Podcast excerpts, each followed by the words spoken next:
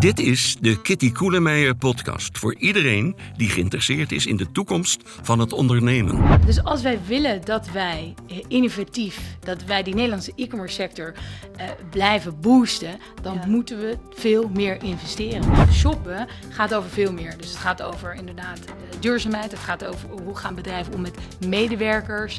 Eh, hè, hoe zet je arbeid in? Ja. Betaal je zo goed? Zijn dat, wat voor constructies zijn dat? De ESG-thema's, hè? Ja. Exact, het Ja. gaat, gaat over eh, corp- eh, CSR eigenlijk, Ja. hè? so- Social Corporate Responsibility. En ik denk dat we daar als sector dus mee aan de slag moeten. Vervolgens kan de leverancier nu de prijs differentiëren tussen een fysieke winkel, wat je dus verkoopt aan een fysieke, of online. Ja, en dan ga je dus helemaal niet meewerken aan een eerlijk speelveld. Nee. Maar we zitten erbij en het is gebeurd. In deze aflevering spreekt onze Kitty met Marlene ten Ham, directeur thuiswinkel.org. Kitty spreekt met Marlene over de uitdaging bij het creëren van een veilige online wereld. Samenwerking in de sector en de rol van de politiek. Welkom Marlene ten Ham. Je bent directeur van thuiswinkel.org. Fijn dat je er bent. Dank En we gaan het zo meteen hebben over ja, hoe de sector over tien jaar uitziet, wat er beter kan. En ook of jij misschien wel een hele goede minister van Economische Zaken zou zijn. maar we gaan het nu eerst hebben over thuiswinkel. Kun je daar iets over vertellen? En wat voegt thuiswinkel toe aan de sector en aan al die organisaties die er al zijn in de retail? Ja, zeker. Wij eh, vertegenwoordigen 75% van de online markt. Dat gaat over producten en dat gaat ook over diensten. Dus dat is een grote vertegenwoordiging. En wat wij doen is eh, de stem van de sector. Verkondigen we in Den Haag, in Brussel. Eh, daarnaast leveren we ook een aantal diensten om te zorgen dat ze eigenlijk goed kunnen ondernemen. Online, is een andere wereld. Ehm, en eh, het derde is natuurlijk, we zijn ook wel bekend van ons waarborg. Dus wij garanderen ook kwaliteit online. Eh, Voor de consument, voor de, of voor, Voor de de, voor de zakelijke ja. klant ook. Ook, ja, het is veel groter. Het is de zakelijke kant. Maar het is voornamelijk is ooit ontstaan om die consument die veilige wereld online te garanderen. Eh, want dat was nog best wel spannend. Ja, nu zijn jullie opgericht in een tijd waarin het online only nog heel vaak voorkwam. Ja. Tegenwoordig hebben we natuurlijk omnichannel. Hè, de meeste retailers, of, of eh, hoe noemen jullie dat, B2C-commerce, die gebruiken allerlei mogelijke kanalen voor een, eh, voor een verkopen. Ja. Heeft dat jullie rol ook veranderd?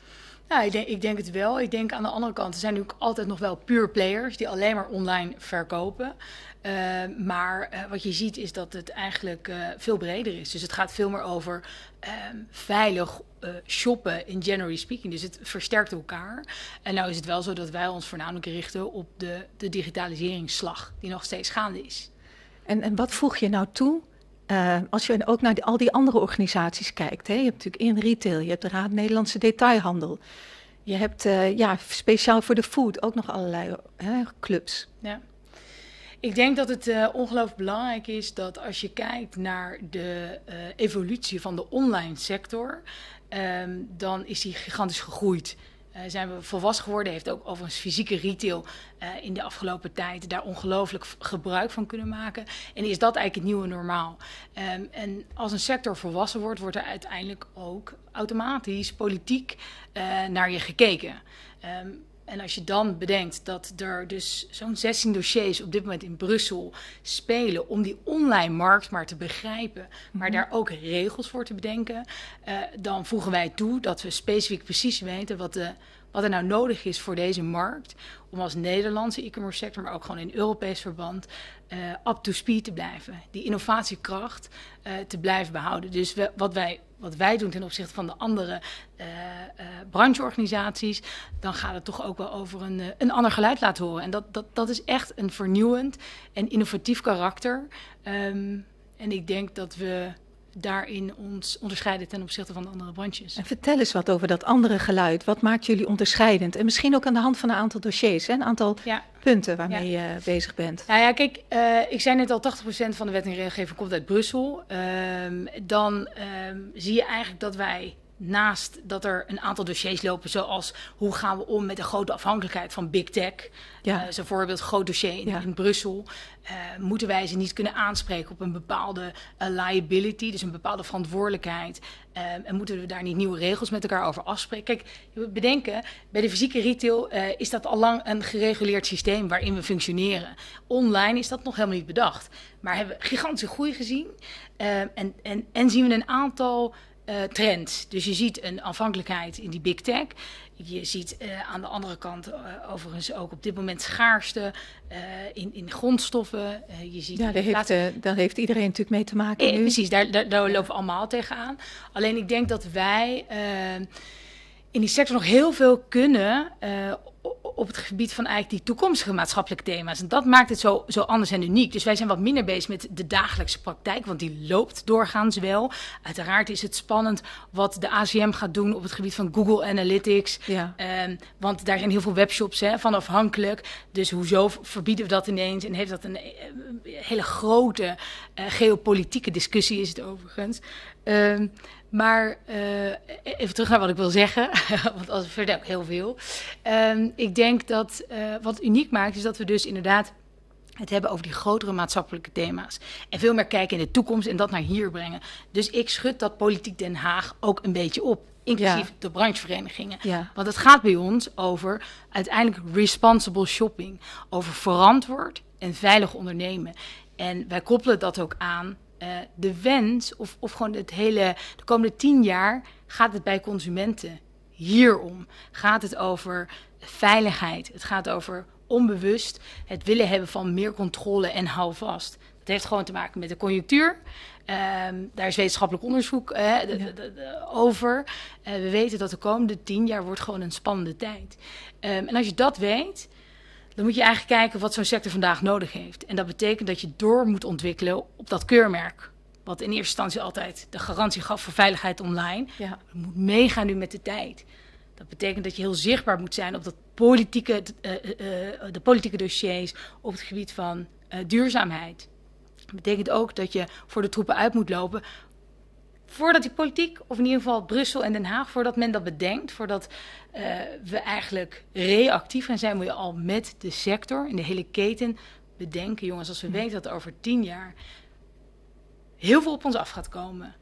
Wat is er dan nu nodig? En dat, en dat is wat Thuiswinkel aan het doen is nu. En de, die big tech, hè, die doen zelf natuurlijk ook digital commerce. Ja. Zijn dat ook jouw leden? Ja, ja zijn ook onze leden. Dus het is een hele grote achterban.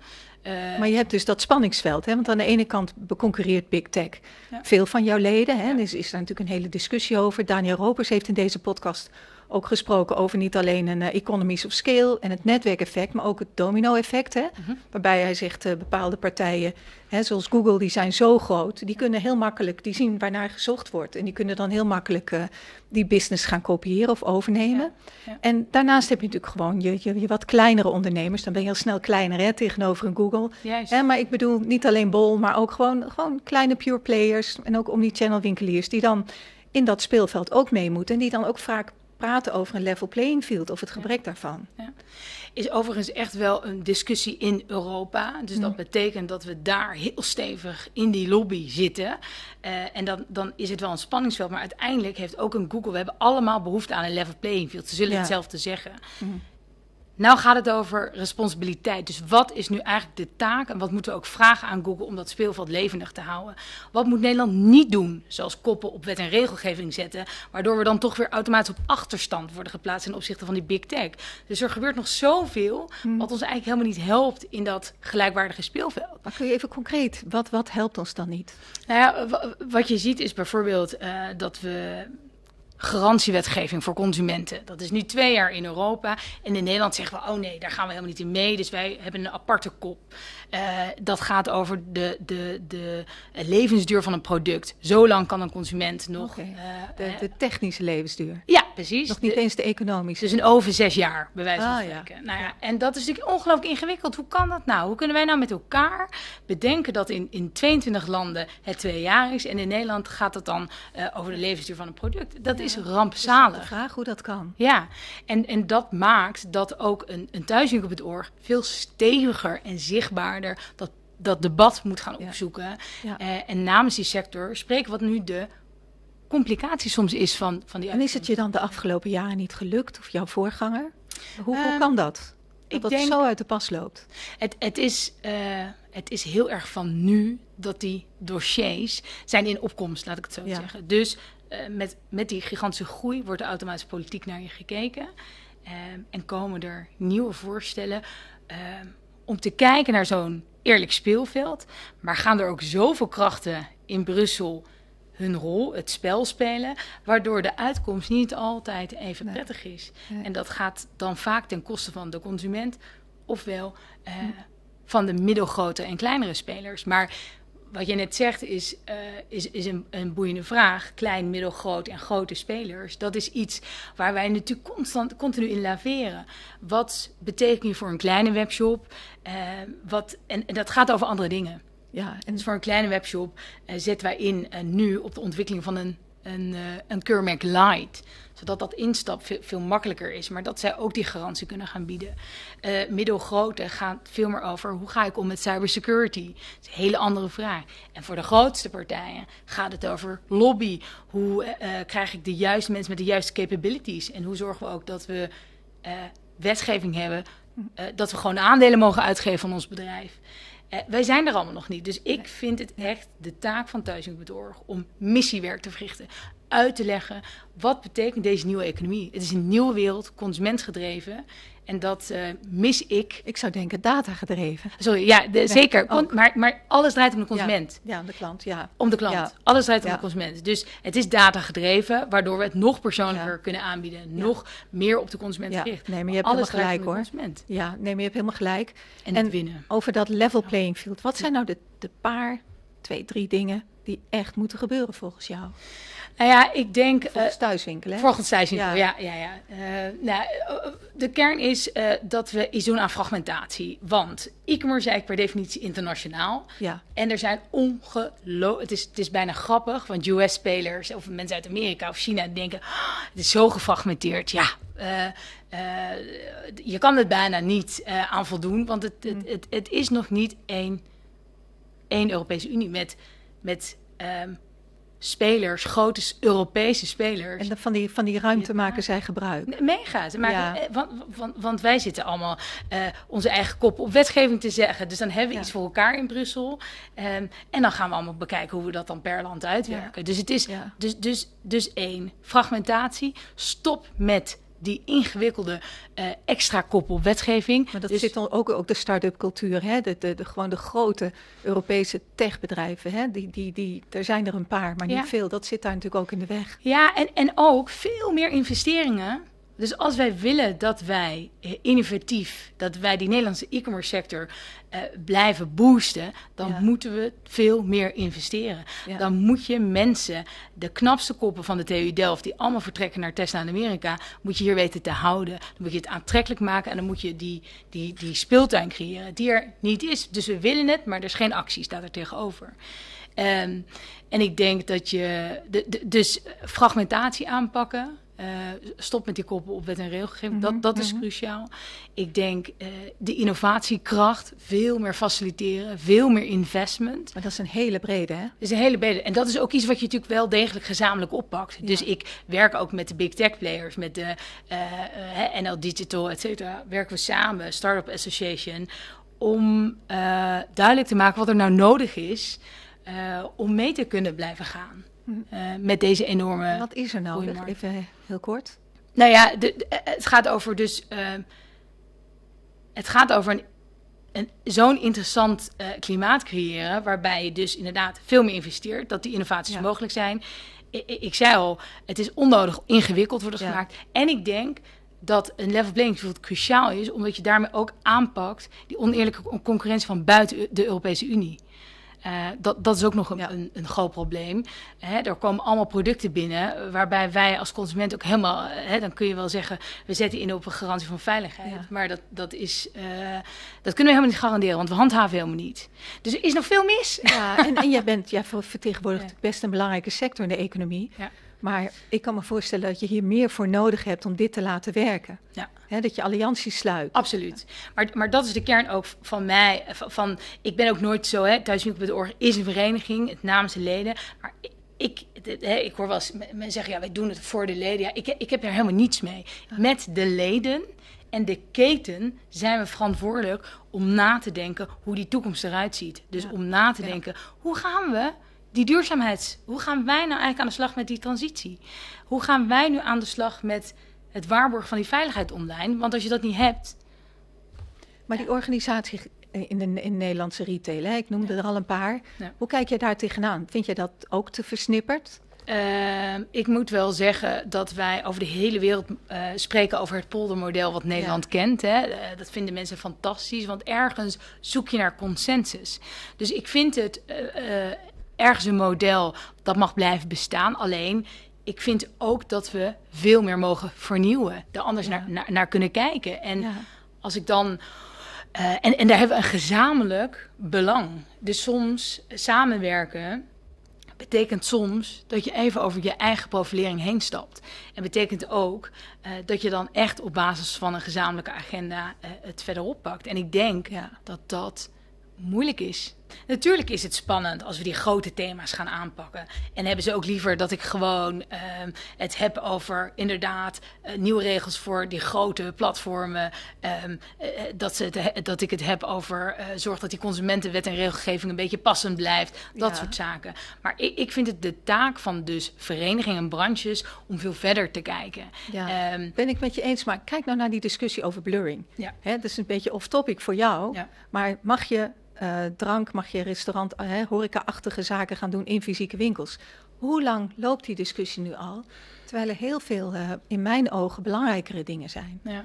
die aandacht vragen. Ben ik het helemaal met je eens. Alleen ook, ook hier is dat poldermodel wat om de hoek kunt kijken. Dus waar, ook waar je ook een nieuw geluid kunt laten horen, zonder ja, als een olifant door een porseleinen kast uh, te rennen, is, is, is dat denk ik mijn taak voor de komende jaren. Ja. En het nieuwe geluid zit in heb nu door dat wij heel veel moeten investeren in die jonge generatie. Mm. In die generatie die het uiteindelijk voor onze e-commerce sector moet gaan doen. Ja. Uh, maar je zegt e-commerce sector, maar het is veel breder, hè? Nee, het is natuurlijk. Het, het, gaat bij ons over producten en diensten. Het gaat over. Ja. En, en natuurlijk ja. is het gaat over heel Nederland ja. dat we de juiste mensen moeten opleiden. Maar ik zie ook heel veel die oude gedachten nog. Maar er wordt wel veel ge geïnnoveerd, hè? Ik bedoel, die, die, die He, de verenigingen, de andere verenigingen, die zeggen dat ook. Wij vinden ja. innovatie belangrijk en ik ja. weet dat ze daar ook heel veel aan doen. Ja. En dat, dat gaat van de winkelgebieden, de winkelcentra nee, tot de winkels zelf. Maar toch vinden jullie elkaar niet genoeg. Nou, en we werken wel, wel samen. Hè? Dus op, het, het, maar het gaat er ook om dat we met elkaar... Um, ik hoor ook nog wel geluiden. hey, um, in een winkel uh, robots inzetten. Is dat nou wel zo'n slim idee? Want het haalt de uh, werkethiek, zal maar zeggen, weg van de werknemer in de winkel. Ja, kijk, dat zijn niet mijn discussies. Nee. Want, want ik, ik, ik denk, ja, kom, we zijn al een gepasseerd station. Dus laten we met elkaar kijken. En wat doen wij dan? We hebben de e-academy, we hebben een groot platform ja. waar alle branches ja. op zijn aangesloten. Ja. Dat laat dat is zien. onderwijs, hè? Dat is onderwijs. En wij werken dus met alle MBO's, alle hogescholen, alle universiteiten, om dat curriculum veel beter te laten aansluiten op wat wij nodig hebben in de toekomst. En, en, en, en dat, dat gaat over andere capabilities. Ja. Ja, en je hebt het over het centraal thema responsible shopping. Ja. En sowieso ben je heel erg bezig met, met duurzaamheid, hè? maatschappelijk verantwoordelijkheid als thuiswinkel. CSR, ja. uh, Corporate Social Responsibility, ja. heel belangrijk thema ja. voor thuiswinkel en de leden. En je hebt een aantal projecten waar je aan werkt. Kun je daar wat, wat over zeggen? Ja, voor ons draait de toekomst echt compleet uh, rondom dit thema. Dus het gaat over responsible shopping. Dus inderdaad, enerzijds dat, dat CSR, verantwoord online ondernemen. En de andere kant gaat over veilig uh, online ondernemen. Dus dat heeft ook een uh, correlatie eigenlijk met de consument, die we natuurlijk altijd willen aanspreken. En zorgen dat die wereld van online veilig blijft. Ja. Um, en aan de andere kant uh, gaat het dus over onder andere uh, duurzaamheid. Um, uh, hoe gaan we daar nou eigenlijk mee om? als je ziet dat die angst van die consument hem echt zit in die klimaatverandering, hoe houden we tegen? Hoeveel CO2-uitstoot gaat eigenlijk gepaard met mijn aankoop online? Um, maar ook, waar komt mijn product vandaan? is het vegan of niet? Is er kinderarbeid? Gaat dat mee gemoeid? Et cetera. Je moet eigenlijk als sector een complete transparantie van de keten willen nastreven. Om uiteindelijk die consument van de toekomst uh, ja. aan te spreken. Wat gaan wij nou doen als thuiswinkel? Haha, ik wist dat jouw vraag uh, ging komen. Nee, um, wij gaan aan de slag uh, met het keurmerk. Dus dat keurmerk wat al heel lang bestaat, wat door 92% van de consumenten in Nederland, uh, die kent het keurmerk. En we gaan daar die cor uh, social, uh, corporate social responsibility aan toevoegen. Dus dat betekent dat er iets komt van een Ja. duurzaamheidskeurmerk. Maar dat gaat natuurlijk over heel veel zaken. Ja. Het gaat over hoe circulair zijn we. Ehm, hoeveel CO2-uitstoot gaat gepaard met mijn pakketje. Eh, dus dat retour, hoe gaan we daarmee om? Maar ook hoe gaan we om met onze project, mensen. hè, Hoe pak je dat nou aan? Ja, want, het- want je wil veel en het, Ja. Ik eh, kan me er van alles bij voorstellen. Maar geef Ja. eens een concreet voorbeeld. Ja, het, het- een concreet voorbeeld is eigenlijk dat we over een jaar de eerste, eh, ja, eigenlijk de eerste lounge willen, willen hebben. Nou, dat is Van wat? Van dat nieuwe, van dat van nieuwe keurmerk. Of ja, of de uitbreiding van ons waarborg. Dat is ongelooflijk ambitieus, maar in ieder geval hebben we alvast een richting, alvast iets van een piketpaal wat we willen slaan. En hoe gaan we dat voor elkaar krijgen? Door onge- dat ongelooflijk projectmatig aan te vliegen, eh, hele concrete doelen te stellen, maar ook met de markt en de keten het samen vorm te geven. Het moet iets zijn vanuit gezamenlijkheid. En ik wil laten zien dat die samenwerking daadwerkelijk gefaciliteerd kan worden en dat we ook daadwerkelijk kunnen komen met nieuwe proposities. Hoe moet ik dat nou concreet voor me zien? Ja, en, en ook eh, welke partijen, eh, hè, dat is dan interessant, want we doen dat echt met volledige keten. Dat betekent dat we het hebben over allerlei webshops die haken aan bij dit complete grote project. Het gaat over topsector logistiek. Dat betekent dat we de overheid hebben erbij aan tafel. En we hebben en uiteraard alle logistieke vervoerders. Dus we kunnen dit alleen maar met elkaar tackelen. Ehm, en dat zijn ook kleinere projecten. Dus het gaat ook over hoe dringen we met elkaar, en dat, dat is dan veel meer de webshop responsibility, eh, retouren terug. Ja. Is het nou zo, Kitty, dat we uiteindelijk toe moeten naar 2 euro erbovenop om nog zaken retour te sturen? Zal dat een effect hebben? Wat denk je? Ik denk dat het misschien iets doet met bewustzijn van consumenten. Maar Eh. dan geldt wel voor dat iedereen dat dan moet gaan doen. Hè? Iedereen moet het doen. Ja. Eh, maar is dat dan niet een rol van zo'n sectorvertegenwoordiger om te kijken of we dat kunnen verkennen? Ik vind het onze rol. Eh, wij zijn ook begonnen met de retourvignet. Ook onze rol. Laten we Ja. het testen, Ja. proberen.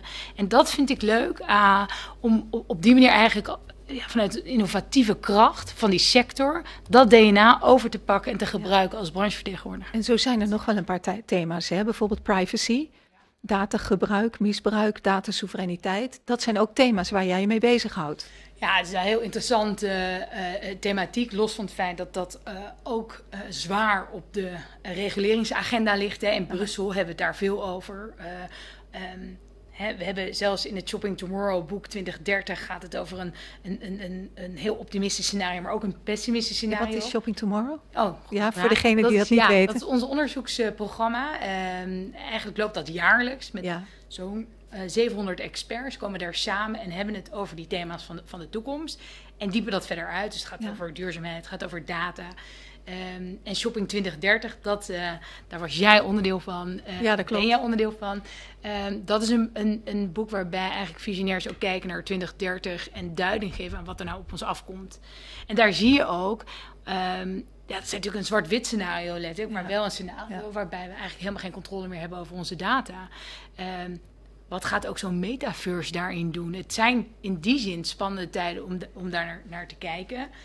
Al, Maar- ja. Maar wat ga jij doen? Om, wat, wat, is jouw, wat wil jij bereiken? Hè? Want jij bent natuurlijk bij uitstek in de positie om, om te sturen. Om, hè, kijk, waar consumenten en, en ook, ook een heleboel ondernemers eigenlijk moeten kijken hoe het zich ontwikkelt.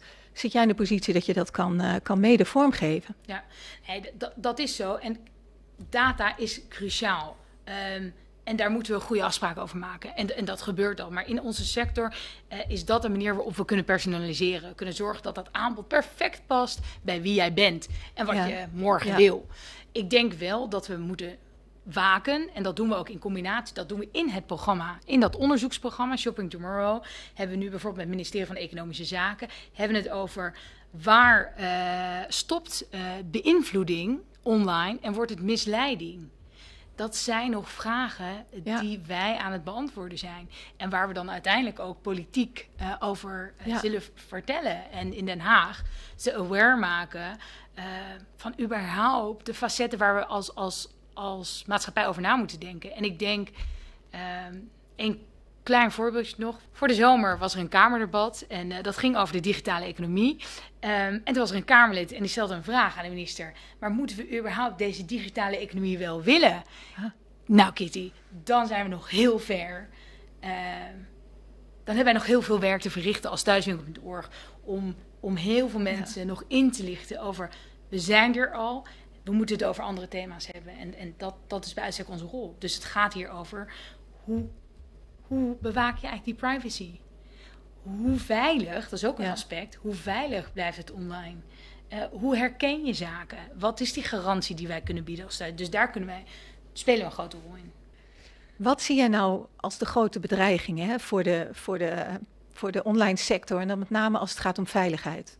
Ja, als het gaat om veiligheid, ga- gaat het echt over die grote hackaanvallen, die grote softwareaanvallen. Eh we hebben een groot lid van ons, die is onlangs ook eh, ja, eigenlijk het slachtoffer, slachtoffer geworden eh, van zo'n grote aanval. Dus als het- Ransomware. ja, bijvoorbeeld. zo'n ransomware aanval. Dus als het gaat over cybersecurity, dan moet ook onze sector nog een stapje extra zetten. Exact waarvan wij dan denken, voor die middelgrote ondernemingen die lid Ja. zijn bij ons, gaan wij nu een cybersecurity propositie ontwikkelen. Wat is dat dan? Mooie woorden. Dat Ja. gaat erom dat ze eigenlijk bij ons terecht kunnen eh, als ze nog niet voldoende in staat zijn om die cybersecurity eigenlijk aan te pakken. Er Ja. ligt nog geen Ja. strategie. Dus wat wij gaan openen, dat gaan we eigenlijk binnen nu en een jaar ook doen, eh, is een, een, een, een helpdesk-achtig eh, setting voor cybersecurity. Eh, en daarnaast ook letterlijk een product eh, die ze bij ons kunnen komen afnemen. De ondernemers, ja. De ondernemers. Kijk, want bij- voor de grote partijen hoeven we dat niet te doen. Nee. Maar de middelgrote hebben aangegeven dat is voor ons zou dat echt Ja. een cruciale zijn. Ja. Dus het gaat ook veel meer over die gezamenlijkheid eh, te faciliteren. Gezamenlijk inkoop op cybersecurity bedoel ik dan. En, eh, en interessant, want we hebben management trainees, een grote groep van, wat is het, 25 volgens mij, management trainees van ASR-verzekeringen, Ah. die op dit moment eh, hun brein breken over wat zou thuiswerk nou kunnen betekenen op het gebied van die cybersecurity. Ja, dat is heel interessant. Ja, En nou we het toch over digitalisering, digitale transformatie moet ik eigenlijk zeggen hebben. Ehm, kun je daar iets over zeggen? Eh, hoe loopt de sector achter of voor bij de rest van de economie? Eh, hoe, hoe is de positie van Nederland ten opzichte van andere landen? Ja, wij, wij zijn ehm, koploper als het gaat om digitale transformatie in Europa. Dus wij, Als Nederland. als Nederland zijnde. Ehm, dus dat is zo. Hè? Op, op e-commerce zijn we een Ja. zwaar gevestigd land, hebben grote partijen. Dat is uniek. Ja. Eh, in Duitsland zijn dat de Amerikaanse partijen die dat snel overnemen, Ja. omdat daar eh, wat minder gevestigde sector is.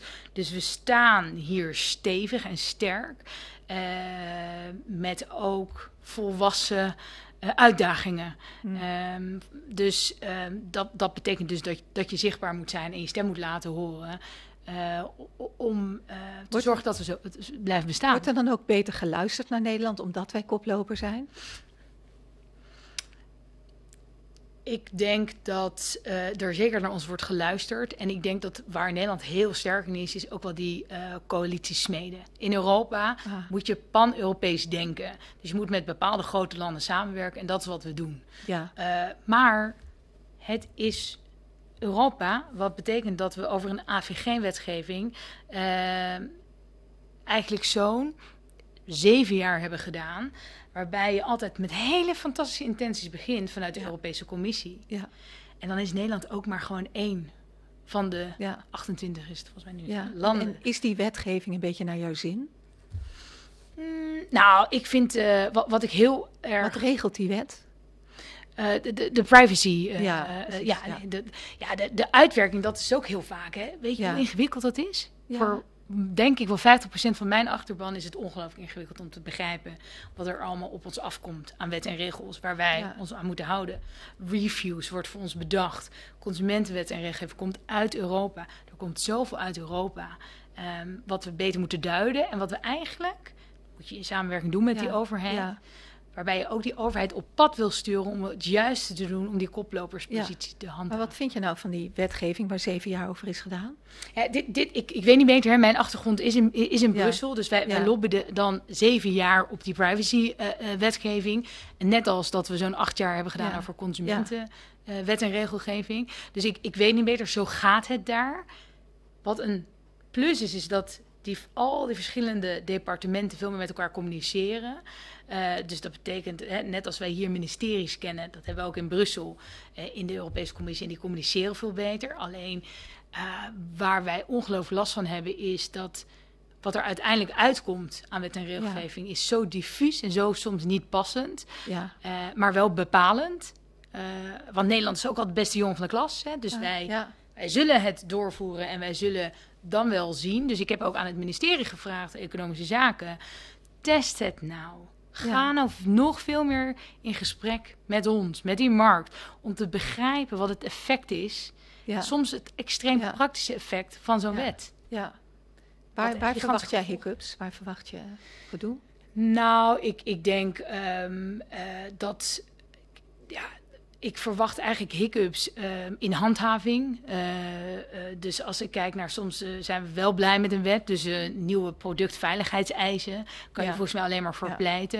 Maar ga dat nou eens goed handhaven? Hoe controleren we dus be- beter? Ik ben heel blij met de ehm, BTW. dat, dat dat gelijk getrokken is, ook voor pakketjes van Hm. buiten de Europese Unie hartstikke noodzakelijk. Er gebeuren dus goede dingen. Ja. Hiccups zitten hem in ehm, dat we eigenlijk ook vaak de gevolgen helemaal niet overzien. Dus we hebben net de omnibus gehad. Dus een net een nieuwe wet. Gaat over reviews. En dan krijgen wij ongelooflijk veel vragen. Hoe, hoe, wat moet ik nu doen? Hoe handhaaf ik het? Met wie moet ik dat eigenlijk Ja. eh, bespreken? Dat, de, dus, de, de, de- dus de hiccup zit hem vaak in de implementatie. Ja. Ehm, en eh, Kitty, wat ik bizar vind, is dat we net een wet hebben ge, eh, ja, die is net eigenlijk afgerond. En dit maakt nog steeds onderscheid tussen, jawel, fysiek en online. ja. Nou, dat, Hoe dan- komt dan dat? ik, Dat dat onderscheid gemaakt wordt? Zijn ze zo lang met, de, met die wet bezig geweest? nou, we hebben ehm, één, is er inderdaad, is het, gaat dit weer over zo'n zes jaar. Ja. Maar hebben we natuurlijk een pandemie gekend, waardoor fysieke winkels eigenlijk, er ontstond een soort discussie in Europa over hoe helpen we fysieke winkels. Nou, Ja. dat is denk ik Ja. goed. Ja. Maar eh, vervolgens kan de leverancier nu de prijs differentiëren tussen een fysieke winkel, wat je dus verkoopt aan een fysieke, of online. Ja, en dan ga je dus helemaal niet meewerken aan een eerlijk Nee. speelveld. Nee. Maar we zitten erbij en het gebeurt. Ja. Nou, dat Ja. is dan waar ik eh, ja, me over verbaas en het overigens ook niet tegenhoud. En Marlene, met jouw achtergrond ook in Brussel, zou jij minister van Economische Zaken willen zijn? Nou, kijk, ik, eh, ik denk dat het een echt wel lastige positie is. Ook om daadwerkelijk die verandering teweeg Ja. te brengen. Maar ik zou er met beide handen aangrijpen. Want er is nog zoveel wat mogelijk is Ja. om die koploperspositie te handhaven. Dus eh, wij maken die agenda en laten we het dan samen uitvoeren. En uiteindelijk word ik dan wel die minister. En wat, wat zou je dan nu, hè, als, je da, als je die mogelijkheid had, wat zou je dan nu veranderen wat er nog niet gebeurt? Gewoon echt nu, as we speak. Moet ik echt even over nadenken. Ja, nou, dat bete- betekent dat dat het best goed gaat nu? Ja, het, gaat, het gaat wel goed. En wat, wat zou ik nu veranderen, is dat we veel meer. eh, nou, nee, ik zou wel wat van. eh, Ik, het- dat gaat over slagvaardigheid en daadkracht. Mm. Eh, dus laten we nou eens niet zo vasthouden aan ons poldermodel, maar stappen zetten. Als jij zegt, ik heb andere podcasts mogen luisteren van, goh, maar dat zijn toch thema's die jullie al jaren bespreken. Dat klopt. Dus ver, doorbreek dit nou. Waarom houden we zo vast aan dat systeem van compromissen, eh, waardoor uiteindelijk die agenda niet, niet stevig genoeg is? Dus hoe kan het nu zo zijn dat er zoveel mensen met capabilities afstuderen, eh, maar vertrekken omdat Nederland helemaal niet interessant genoeg is? Hoe groot is dat eigenlijk wel zo'n groot fenomeen? Of, of, of denken we dat? Nee, dat is een groot fenomeen. Dat is een groot fenomeen en krijg ze maar weer terug. En Ja. ik las, las een eh, artikel in het FD en die, daar werd ook genoemd een eh, AI-manager, Artificial Intelligence Manager bij Tesla. En die zei, ik kom terug als er een interessante uitdaging ligt op de verduurzaming van die digitale economie. Toen dacht ik, dat is dus het thema. Laten Ja. we daar met elkaar over gaan nadenken. Dus ja, Je hebt het over polderen, maar je weet, het verenigingen zijn een exponent van het poldermodel. Hè? ik weet het. Dus thuiswinkel Ja. is een vereniging. Ja, maar wel een, een, een ander, andere vereniging wat mij Ah, betreft. Dus dat gaat over services, dat gaat over klanten, Ja. minder over leden. En dat gaat over dat je dagelijks moet opstaan om die meerwaarde te kunnen bieden namens die sector. En dat is wat ik ons team ook meegeef. Laten we nu anders gaan denken.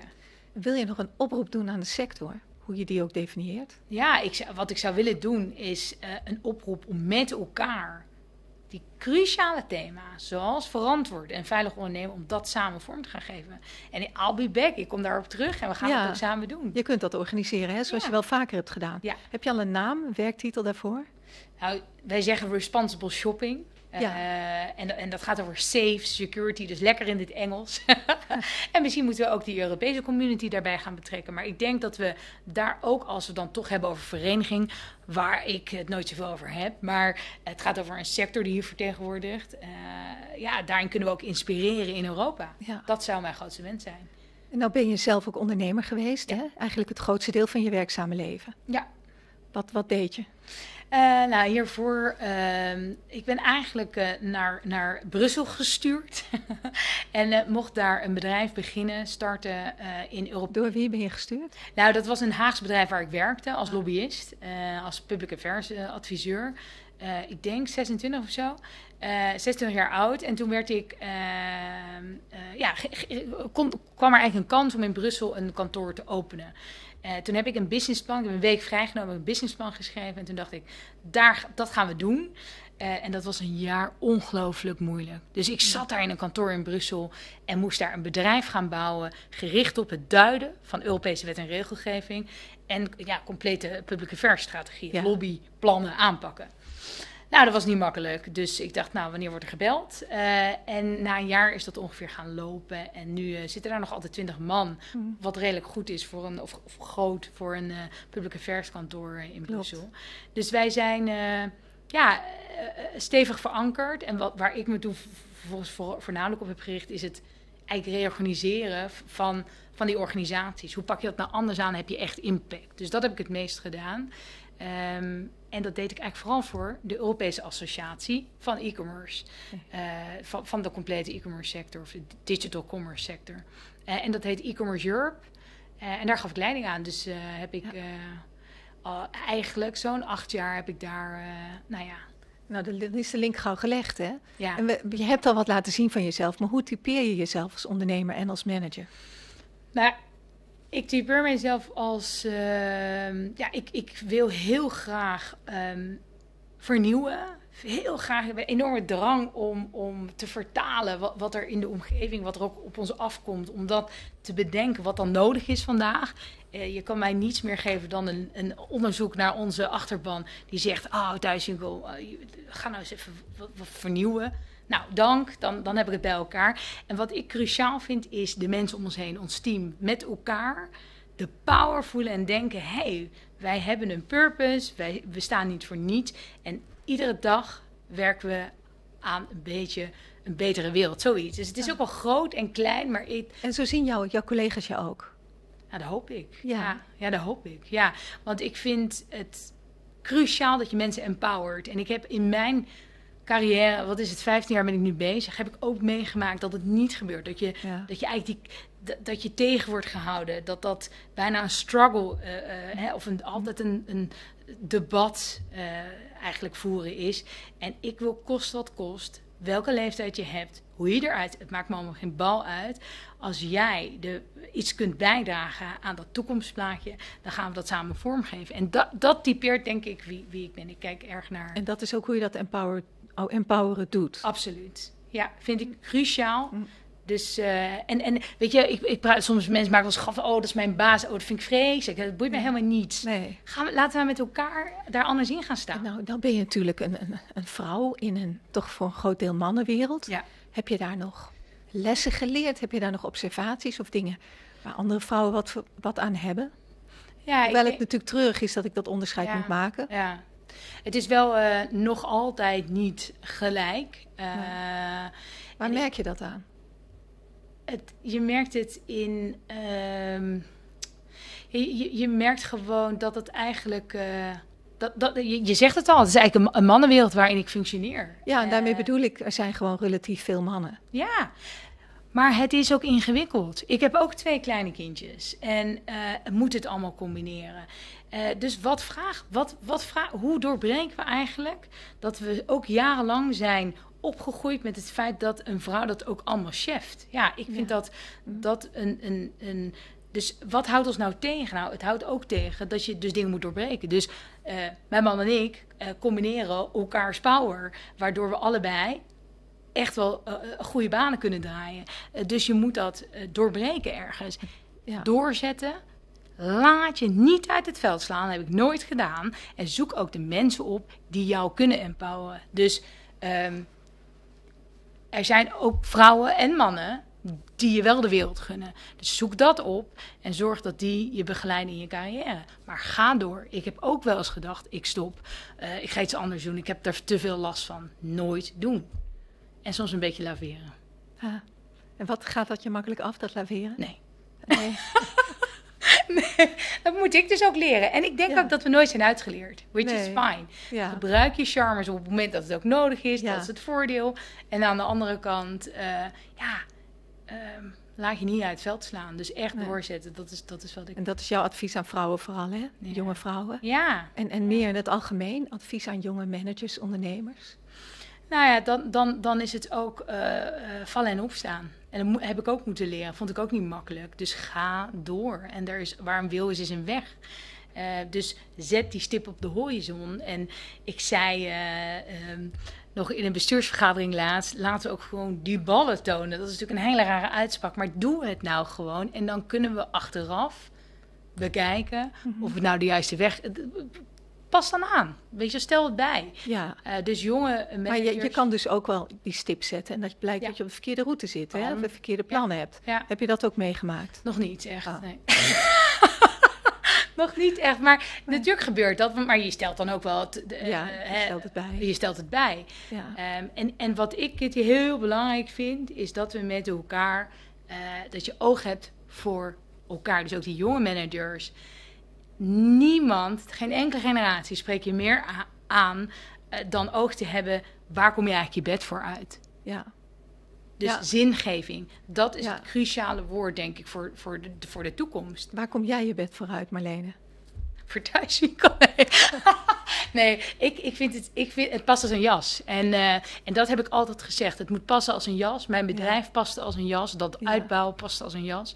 Ehm, en daar kom ik mijn bed voor uit. Want eh, ik kan mijn tanden ergens inzetten en ik kan weer helpen om te innoveren. Dat is, dat, dat is waar ik mijn bed voor uitkom. Oké, Marlene ten Ham, dank je wel dat je hier was. Dankjewel, Kitty. Heel leuk. Dit was de Kitty Koelemeijer podcast. Als je dit gesprek interessant vindt en vaker dit soort gesprekken wilt zien of horen, druk dan op die bekende knop. Want dan weet je één ding zeker: de podcast van Kitty wordt vervolgd.